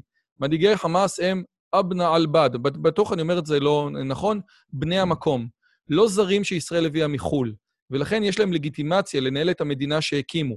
הם לא מבינים, הם גם מבינים את האופי החמולתי של האוכלוסייה, ולכן הצבא שלהם בנוי מיחידות שכל אחת מהן היא חד-שבטית, והיא ממונה על אזור השבט שלה. וכך הם נמנעים מחיכוכים מיותרים בין הצבא והאוכלוסייה. נכון שיש בעזה כאלה שלא, מצליח, שלא מרוצים מהם, בעיקר בגלל המצב הכלכלי, אבל המדינה שלהם חיה, קיימת ובועטת, ואי אפשר לקחת מהם את ההישג הזה. ומי שלא שם לב, במהלך 13 השנים האחרונות, מספר הימים שבהם היה לישראל שקט מעזה, גדול הרבה יותר ממספר הימים שהיו בהם בעיות, ירי, טילים, מרגמות וכו' זה. אומר, אני לא אומר שהמצב הוא אידיאלי, אבל צריך להבין את החשיבות של שלטון לגיטימי. הוא אומר, ברמאללה המצב שונה לגמרי.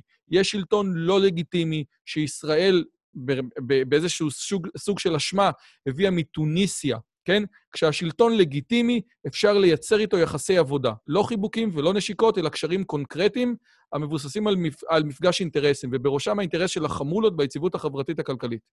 מה אתה אומר על זה?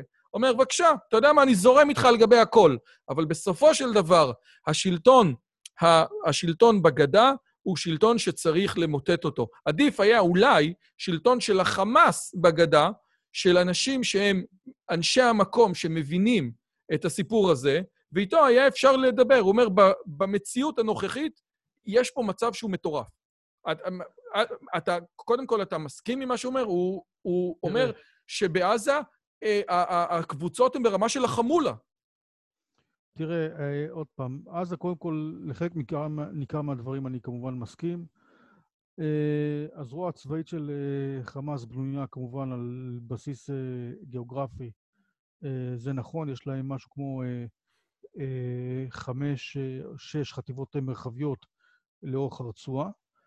יחד עם זאת, כשאני בודק את אה, סדר גודל של אה, לפחות אה, אלפיים ומעלה הרוגים מהזרוע הצבאית של חמאס ברצועה. אז שמע, אתה רואה הרבה מאוד שמות משפחה כאלה ואחרים, יש חמולות חזקות יותר ויש משפחות קטנות אחרות, אז קצת יותר מורכב מזה. צריך לזכור בסופו של דבר, המציאות ברצועה היא קשה, ואחת המשרות המכניסות באופן יחסי ברצועת עזה זה להיות איש המנגנון הצבאי אה, של חמאס. אז אה, זה, לא, זה לא עד הסוף נכון. אני אתן אה, דוגמה עוד פעם מראשי זרוע צבאי שחוסלו בצוק איתן. היה את אה, ראאד אל-עטר, מפקד אה, חטיבת רפיח, והיה את אה, מוחמד אבו שמאל, המפקד האזור הדרומי של עז א-דין אל-קסאם. להגיד לך שהשניים האלה הם מהחמולות הכי מובילות בדרום הרצועה? ממש לא. אני יכול לתת לך שמות של חמולות גדולות מהשמות משפחה האלה. אנחנו מדברים פה, הזרועות של חמאס, של חמאס, כמו השניים האלה שאני ציינתי וכבר לא איתנו מאז 2014, מבוססת קודם כל, בראש ובראשונה, על מבוקשים, שישראל לא הצליחה לשים את היד 15 אה, ו-20 שנה, ולפעמים גם 25 שנה. מוחמד דף דוגמה שכולם מדברים עליו, שהוא אה, דני דין. של... מה זה? הדני דין הזה.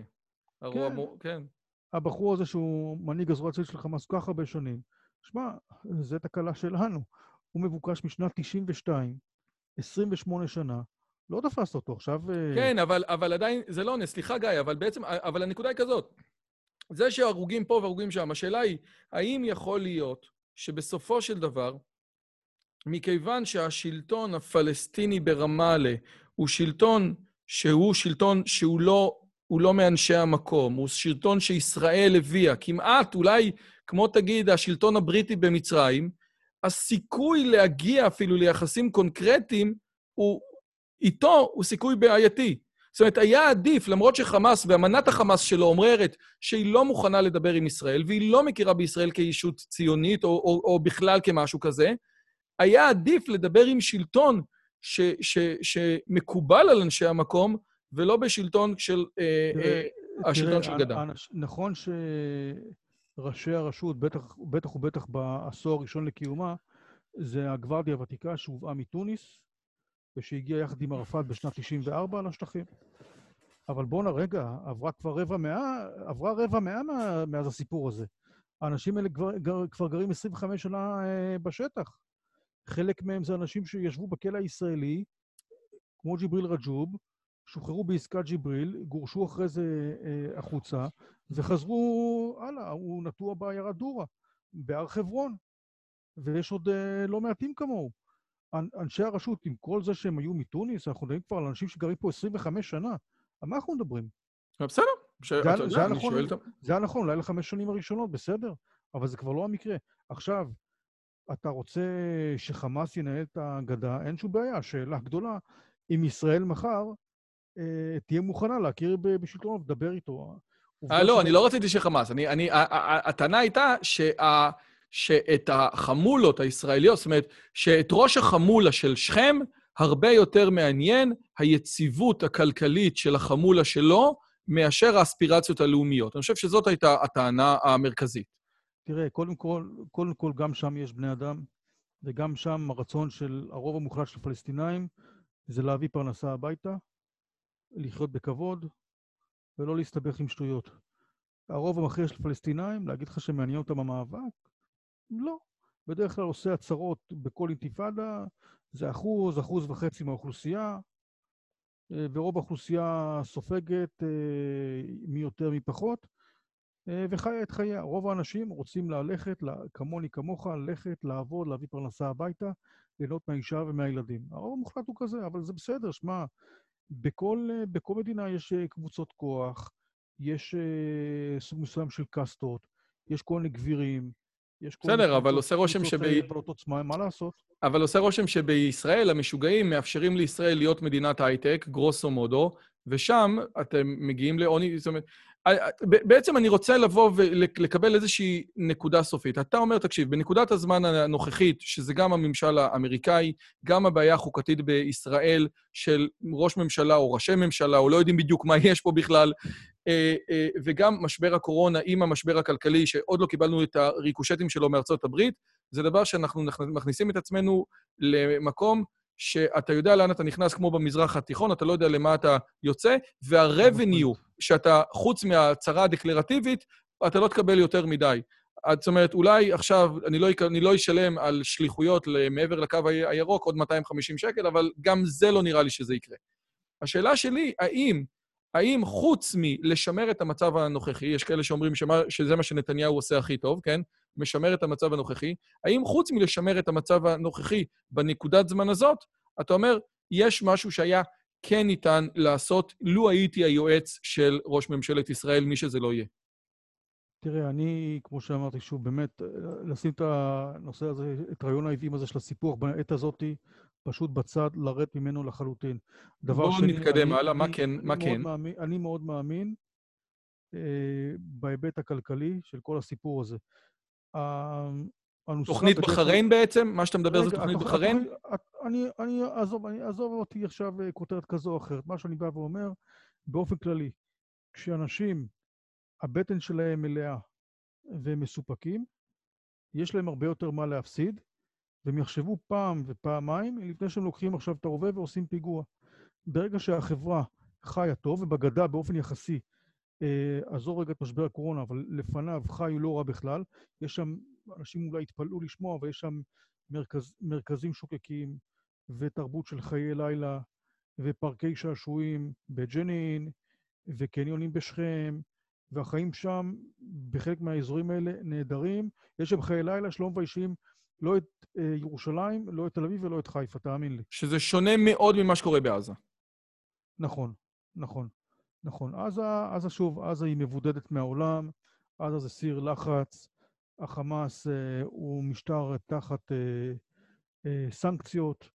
לא, בסדר, אז אתה אומר שבגדה, אתה אומר שככל שיהיה יותר מה להפסיד, אז הסיכוי לפיגועים יהיה יותר, או הסיכוי להעברה של השטח או לפיגועים יהיה יותר נמוך. יכול להיות שמה שאתה אומר פה זה היגיון ישראלי או מערבי, כאשר כנגד ההיגיון הזה יגידו לך, תקשיב טוב, לפני שהאינתיפאדה ב-2000, אני לא יודע מה התחילה שם, אני כבר לא זוכר, הקזינו בירויכו היה בטירוף מערכות מוחלט. לא היה לפלסטינים יותר טוב מבחינה כלכלית מרגע לפני שהם התחילו את האינתיפאדה אה, בשנת 2000, נכון? זה, זה שנת 2000? אז איך זה מסתדר לך, מה שאתה אומר לי? כי בסופו של דבר ההחלטה הייתה החלטה פוליטית של ערפאת ללכת אה, להסלמה מול ישראל, וואלה, מה לעשות? אז, אז, אה, אז, אז, אז אתה עוד יותר מחדד את זה, שאתה אומר, רוב הציבור לא רצה, אז, והיה לי הנהגה משוגעת, נכון? נו, תגיד לי, מה, חסר דוגמאות פה שההנהגה מקבלת החלטה שהרבה פעמים הציבור לא אוהב אותה? מה, זה, זה חדש?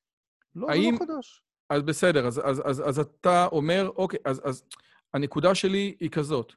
מה שאתה אומר, לפי דעתי, באיזשהו מקום, זה די ברור, ככל שהמצב... אנשים שגם ככה אין להם מה להפסיד, וגם ככה אין אוכל, וגם ככה אין מים, וגם ככה אין מזון, המצב שלהם גם ככה רעוע. אני מקבל.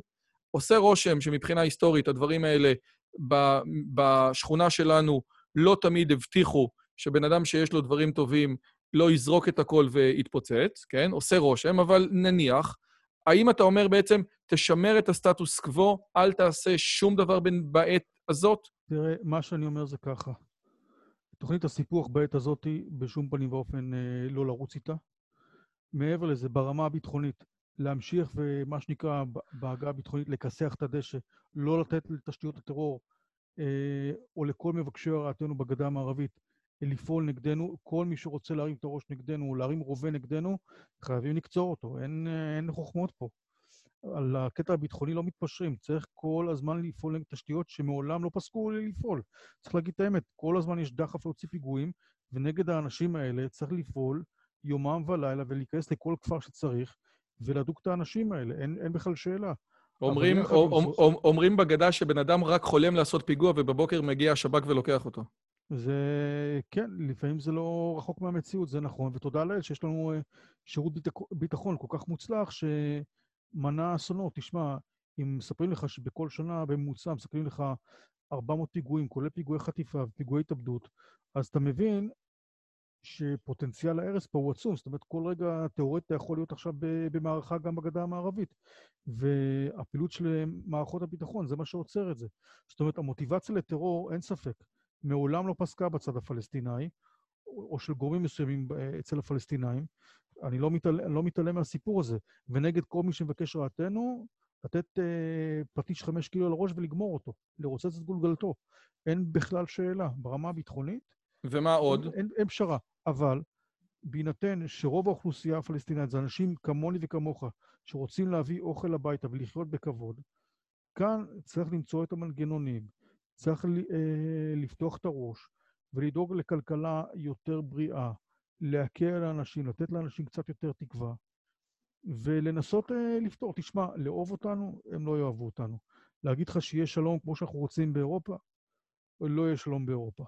להגיד לך שהם ישכחו את אתוס השיבה, הם לא ישכחו את אתוס השיבה. הם אומרים הסכם חודייביה, בוא תהיה הסכם זמני נכון. לנצח כל עוד אתה יותר, כל עוד אתה ממש יותר חזק מהם. בשביל זה אנחנו חייבים להמשיך להיות חזקים, ולא להרפות לרגע מהדוושה. לפעול אה, ללא לאות נגד תשתיות הטרור, ולא לוותר אפילו אה, לא יום ולא לילה אחד. זה, ולכן ישראל חייבת להיות חזקה אה, עד סוף ימיה. אין פשרה, אבל להגיד לך שיהיה שלום כמו, כמו שאנחנו רוצים באירופה, לא יהיה. לא יהיה, צריך לקבל את זה. וצריך לקוות לטוב ולהיערך לרע, אין מה לעשות. אגב, אתה יודע מה? אני אשאל אותך שאלה שלא שואלים בדרך כלל בראיונות, אבל אתה יודע, זה ערוץ שלי, אז מה אכפת לי? אה, אחד הדברים שמדברים פה בתוך הסיפור הזה, זה באמת על הקפאות בנייה בתוך ההתנחלויות. חלק מתוך הסיפור הזה זה הרעיון הזה שבאמת מהרגע שאתה מבין, או או מה ששמעתי, כן? מהרגע שאתה מבין שבאמת היהודים נטועים בתוך חבלי המולדת האלה, אז באיזשהו מקום אנשים אומרים, אוקיי, בסדר, הבנו.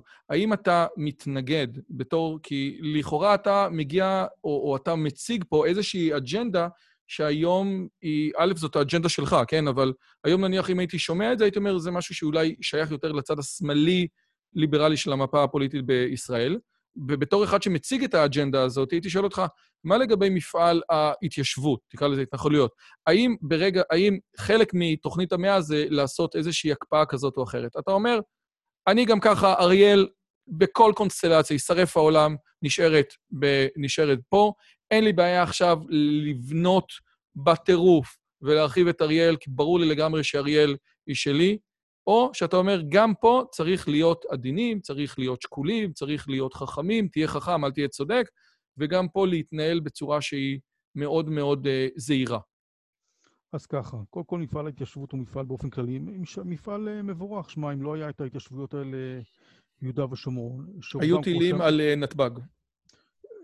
רגע, שרובם, את רוב ההתיישבות, כמו שאמרתי, רובה על, על סמוכה מאוד לקו הירוק, היא מבורכת. היא חשובה. השטח שאנחנו רואים עליו הוא יחסית מצומצם. אם אני מוציא רגע את הנגב, שהוא כמעט בלתי אפשרי למגורים מעבר לקו אה, דימונה, כן, אה, ודרומה.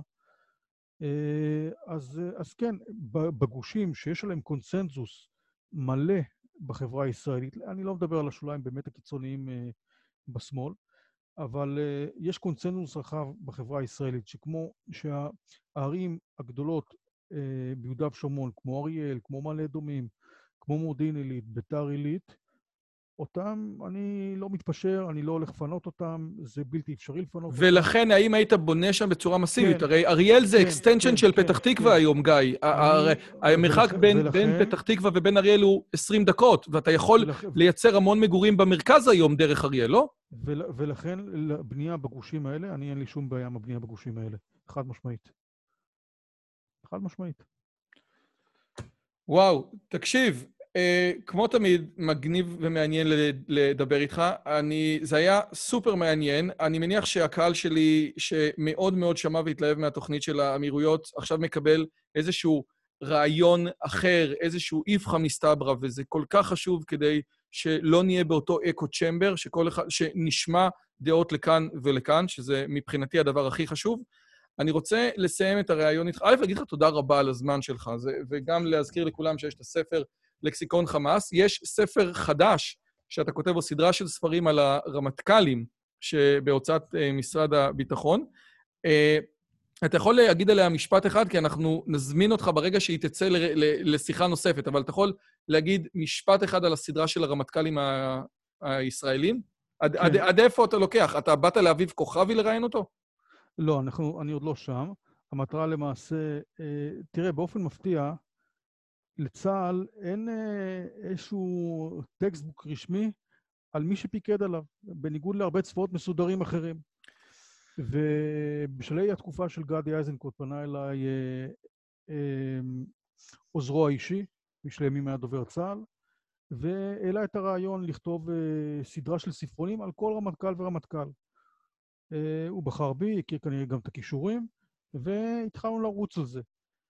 אמ, ושמע, יש פה לקונה. תשמע, יש 22 אה, רמטכ"לים אה, לצה"ל. לפחות על, אם אני לא, לא טועה, לפחות על תשעה מהם, אין לו ביוגרפיה או אוטוביוגרפיה, פשוט אין כלום. ואתה מדבר פה על אנשים שתרמו הרבה, אני אתן לך דוגמה שאולי תדהים את הקהל כאן. יגאל ידין, הרמטכ"ל השני של צה"ל, מי שהקים את צבא המילואים, מי שהיה ארכיאולוג בעל שם, פרופסור, לא? פרופסור לארכיאולוגיה, ודאי. אה, מי שהקים את היכל הספר, הספר עם המגילות הגנוזות. שמע, אין עליו ולו ביוגרפיה אחת בעברית, והאיש הזה למעשה, בהיעדרו של אה, הרמטכ"ל הראשון ששהה במיטת חוליו בחלק הקריטי של מלחמת העצמאות, הוא ניהל את המלחמה. עד היום על האיש הזה לא נכתבה ביוגרפיה ראויה לשמה בעברית. יש משהו לא רע באנגלית, אבל בעברית אה, הקהל אה, לא מכיר, והאיש הזה זכאי.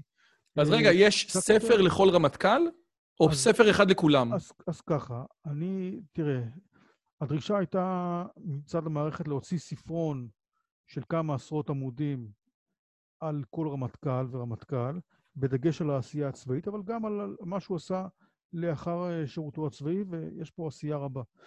אז המטרה היא להוציא בעצם אה, ארבעה כרכים על כל הרמטכ"לים, מיעקב דורי ועד אביב כוכבי נכון לעכשיו. הכרך הראשון שעתיד לצאת, אני מקווה, עד החגים, בעצם מאגד בתוכו אה, שישה ספרונים על ששת הרמטכ"לים הראשונים, יעקב דורי, יגאל ידין, מרדכי מקלף, משה דיין. לסקוב, לסקוב, לסקוב. חיים לסקוב. אה, ראית איך אני רציני? כל הכבוד. אגב, גם צבי צור, אדם שעשה המון, אין עליו, אין עליו ספר, אנשים לא מכירים את הבן אדם הזה בכלל. ושמע, פה אתה בא לעיר זרקור, לאנשים שתרמו תרומה רבה, לא רק ברמה הצבאית, גם ברמה האזרחית, הרבה אחרי שהם השתחררו. שמע, האנשים האלה בנו את הארץ, ואני אתן כמה דוגמאות. חיים לסקוב הקים את רשות הנמלים. מרדכי מקלף עשה ממפלאי ים המלח אימפריה. צבי צור היה אה, מנכ"ל אה, מקורות, ואחרי זה במשך שנים אה, עבד אה, אה, בתעשיות בעמדות מאוד מאוד בכירות. די, די, די, זה ספוילר, ספוילר. אנחנו ניקח אותך שוב. אה, השאלה האחרונה שאני שואל את כל המרואיינים שלי זה שני, שתי שאלות. אה, א', תן לי ספר שקראת בחמש שנים האחרונות שהפך לך את הראש. וואו. אה, אולי זה? אולי ראש גדול? לא, סתם, סתם.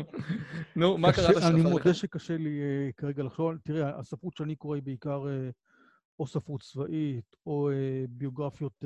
אתה יודע מה, עזוב, אני אשאל אותך שאלה אחרת. מי שרוצה ללמוד על המזרח התיכון, תן לי ספר טוב בעברית וספר טוב באנגלית. אמ, תראה, בעברית, צריך להגיד את האמת, הכתיבה בעברית, אה, בטח ובטח בשני העשורים האחרונות, היא מאוד מאוד לוקה בחסר. על המזרח התיכון באופן כללי, גם כן השאלה עד מתי זה מגיע. אז תן לי ספר טוב באנגלית. אם אני מוכן, אם אני יכול לקרוא אנגלית, יש לך ספר טוב באנגלית? אמ, תשמע, עוד פעם, קשה לי מאוד להצביע, כי מזרח תיכון זה משהו מאוד אה, מאוד, מאוד רחב. אה, ומאוד מאוד מורכב, והוא בנוי פלחים פלחים, מדינות מדינות ושכבות שכבות. קשה להצביע לך על משהו מאוד ספציפי שתתן לך תמונה כוללת. זה טוב, חברים, אנחנו, אני לא מוותר לגיא, אתה תחשוב ותביא לנו אחרי זה ויהיה בתיאור. בתיאור של הסרטון יהיה ספר שגיא אה, אה, ממליץ עליו, אני לא מוותר לך, אז תחשוב על זה, ואני, אה, לא עכשיו, אבל בתיאור של הסרטון יהיה. זה דבר אחד. והדבר השני, לא הגענו לדרך שבה אתה עובד, ואני בטוח אגיע אליה בשיחה הבאה שלנו, אבל אתה יכול לתת לי טיפ לפרודקטיביות? כי, כי אתה באמת, אתה יודע, לעשות את הדברים האלה, יש לך כל כך הרבה ידע וכל כך הרבה חומר, יש לך טיפ, כי בין היתר הערוץ שלנו מתעסק גם בפרודקטיביות? תראה, קודם כל זה נובע ממבנה אישיות של הבן אדם. בן אדם צריך להיות בראש ובראשונה סקרן ותאב למידה. אם אין לו את המנוע הפנימי הזה שהוא רוצה להעמיק במשהו, וזה יכול להיות חמאס, וזה יכול להיות אה, על אה, חקר הכוכבים. לא אכפת לי מה. אם אין לו את המנוע, הבעירה הפנימי הזה, שרוצה כל הזמן לחקור ולהעמיק ולדעת ולהפוך כל אבן, זה לא ילך. זה בהיבט הזה. היבט שני, אה, ברמה האישיותית, זה ההיבט של אה, משמעת עצמית, של אה, ריצה לטווחים מאוד מאוד ארוכים, לדעת שזה מרתון, זה לא ספרינט, שאם אתה רוצה להגיע לעומק לרבדים מאוד מאוד עמוקים בנושא שמעניין אותך, אתה צריך לחפור בזה שנים ולא לוותר לעצמך ולהקדיש את עצמך במידה רבה, כולל על חשבון אה, דברים אחרים שיכולים אה, לגרום לך סיפוק, או שרון, לא יודע מה, זה דורש... אני רוצה רק להסביר לצופים שאתם מדברים, אני מדבר עם מישהו שכשהוא היה קטן, במקום בולי איש השלג הוא ראה ערב חדש, כן? רק שנבין על איזה בן אדם מדובר. אז על זה הוא מדבר כנראה, בין היתר. כן, אני יכול אה, להגיד שאני בתחום המזרח תיכוני, פחות או יותר אה, התחלתי לעסוק בגיל 16, ובניתי את זה שכבה אחר שכבה. אה, קונים עוד ספר ועוד ספר ולומדים עוד משהו, והדברים מתחילים להתחבר, וזו למידה באמת אינסופית, כמעט ברמה היומיומית. עכשיו, הדבר השלישי שהוא חשוב לא פחות, זה גם לדעת להתמקד בנושא שמעניין אותך, וכמה שפחות להתפזר, כי אין גבול. ואחרי שאתה התמקדת, לדעת לארגן את כל החומר שאגרת בצורה כזאתי, שאתה שולט בו ברמה אבסולוטית, ואתה רואה בו דברים שאחרים לא רואים אותם. ברגע שאתה מגיע ליכולות האלה, אתה, אתה ספציאליסט, אין חוכמות. אני לא אדבר על זה יותר מדי, אני רק אתן ספוילר לשיחה הבאה שלנו. אה, אני הייתי אצל גיא בבית כמה פעמים. אה, אני חושב שמגיל 16, כל יום הוא אוסף את שלושת העיתונים, הוא היה גוזר בכל יום את, ה, את הכתבות שעסקו בחמאס ובג'יהאד ובחיזבאללה ובכל הדברים האלה, היה, היה לו, והיה מתייק אותם, אני לא יודע באיזושהי צורה, היה לו טירוף מוחלט כל יום מגיל 16. הוא סיפר לי שכאשר אה, הספר הזה היה צריך לעבור את הצנזורה, הצנזור, הצנזורה הצבאית לא האמינה שכל מה שכתוב בספר הזה באמת הודפס בעיתונות. מרוב שהדברים האלה היו מטורפים. זאת אומרת, הוא היה צריך לרפרנס את זה לאיזה כתבה מידיעות מלפני איזה 20 שנה, שזה טירוף מוחלט. אז, אז כשגיא אומר לשלוט בחומר שאתה אוסף בצורה אבסולוטית, אתם מדברים עם מישהו שבמשך 20 שנה, כל יום, שלוש עיתונים יומיים, שלושה עיתונים יומיים, גוזר אותם, מקטלג אותם. אז זה הבן אדם. אה, גיא אביעד, חוקר מזרח תיכון, חוקר חמאס, מחבר הספר לקסיקון חמאס, וגם הספר של הסדרה של הרמטכ"לים. תודה רבה רבה שהסכמת לבוא ולהתראיין ולשוחח איתי, זה היה כיף גדול מאוד. אה, תודה רבה לך. תודה לך, רועי. יאללה, ביי ביי, וניפגש ביי בפרק ביי. הבא.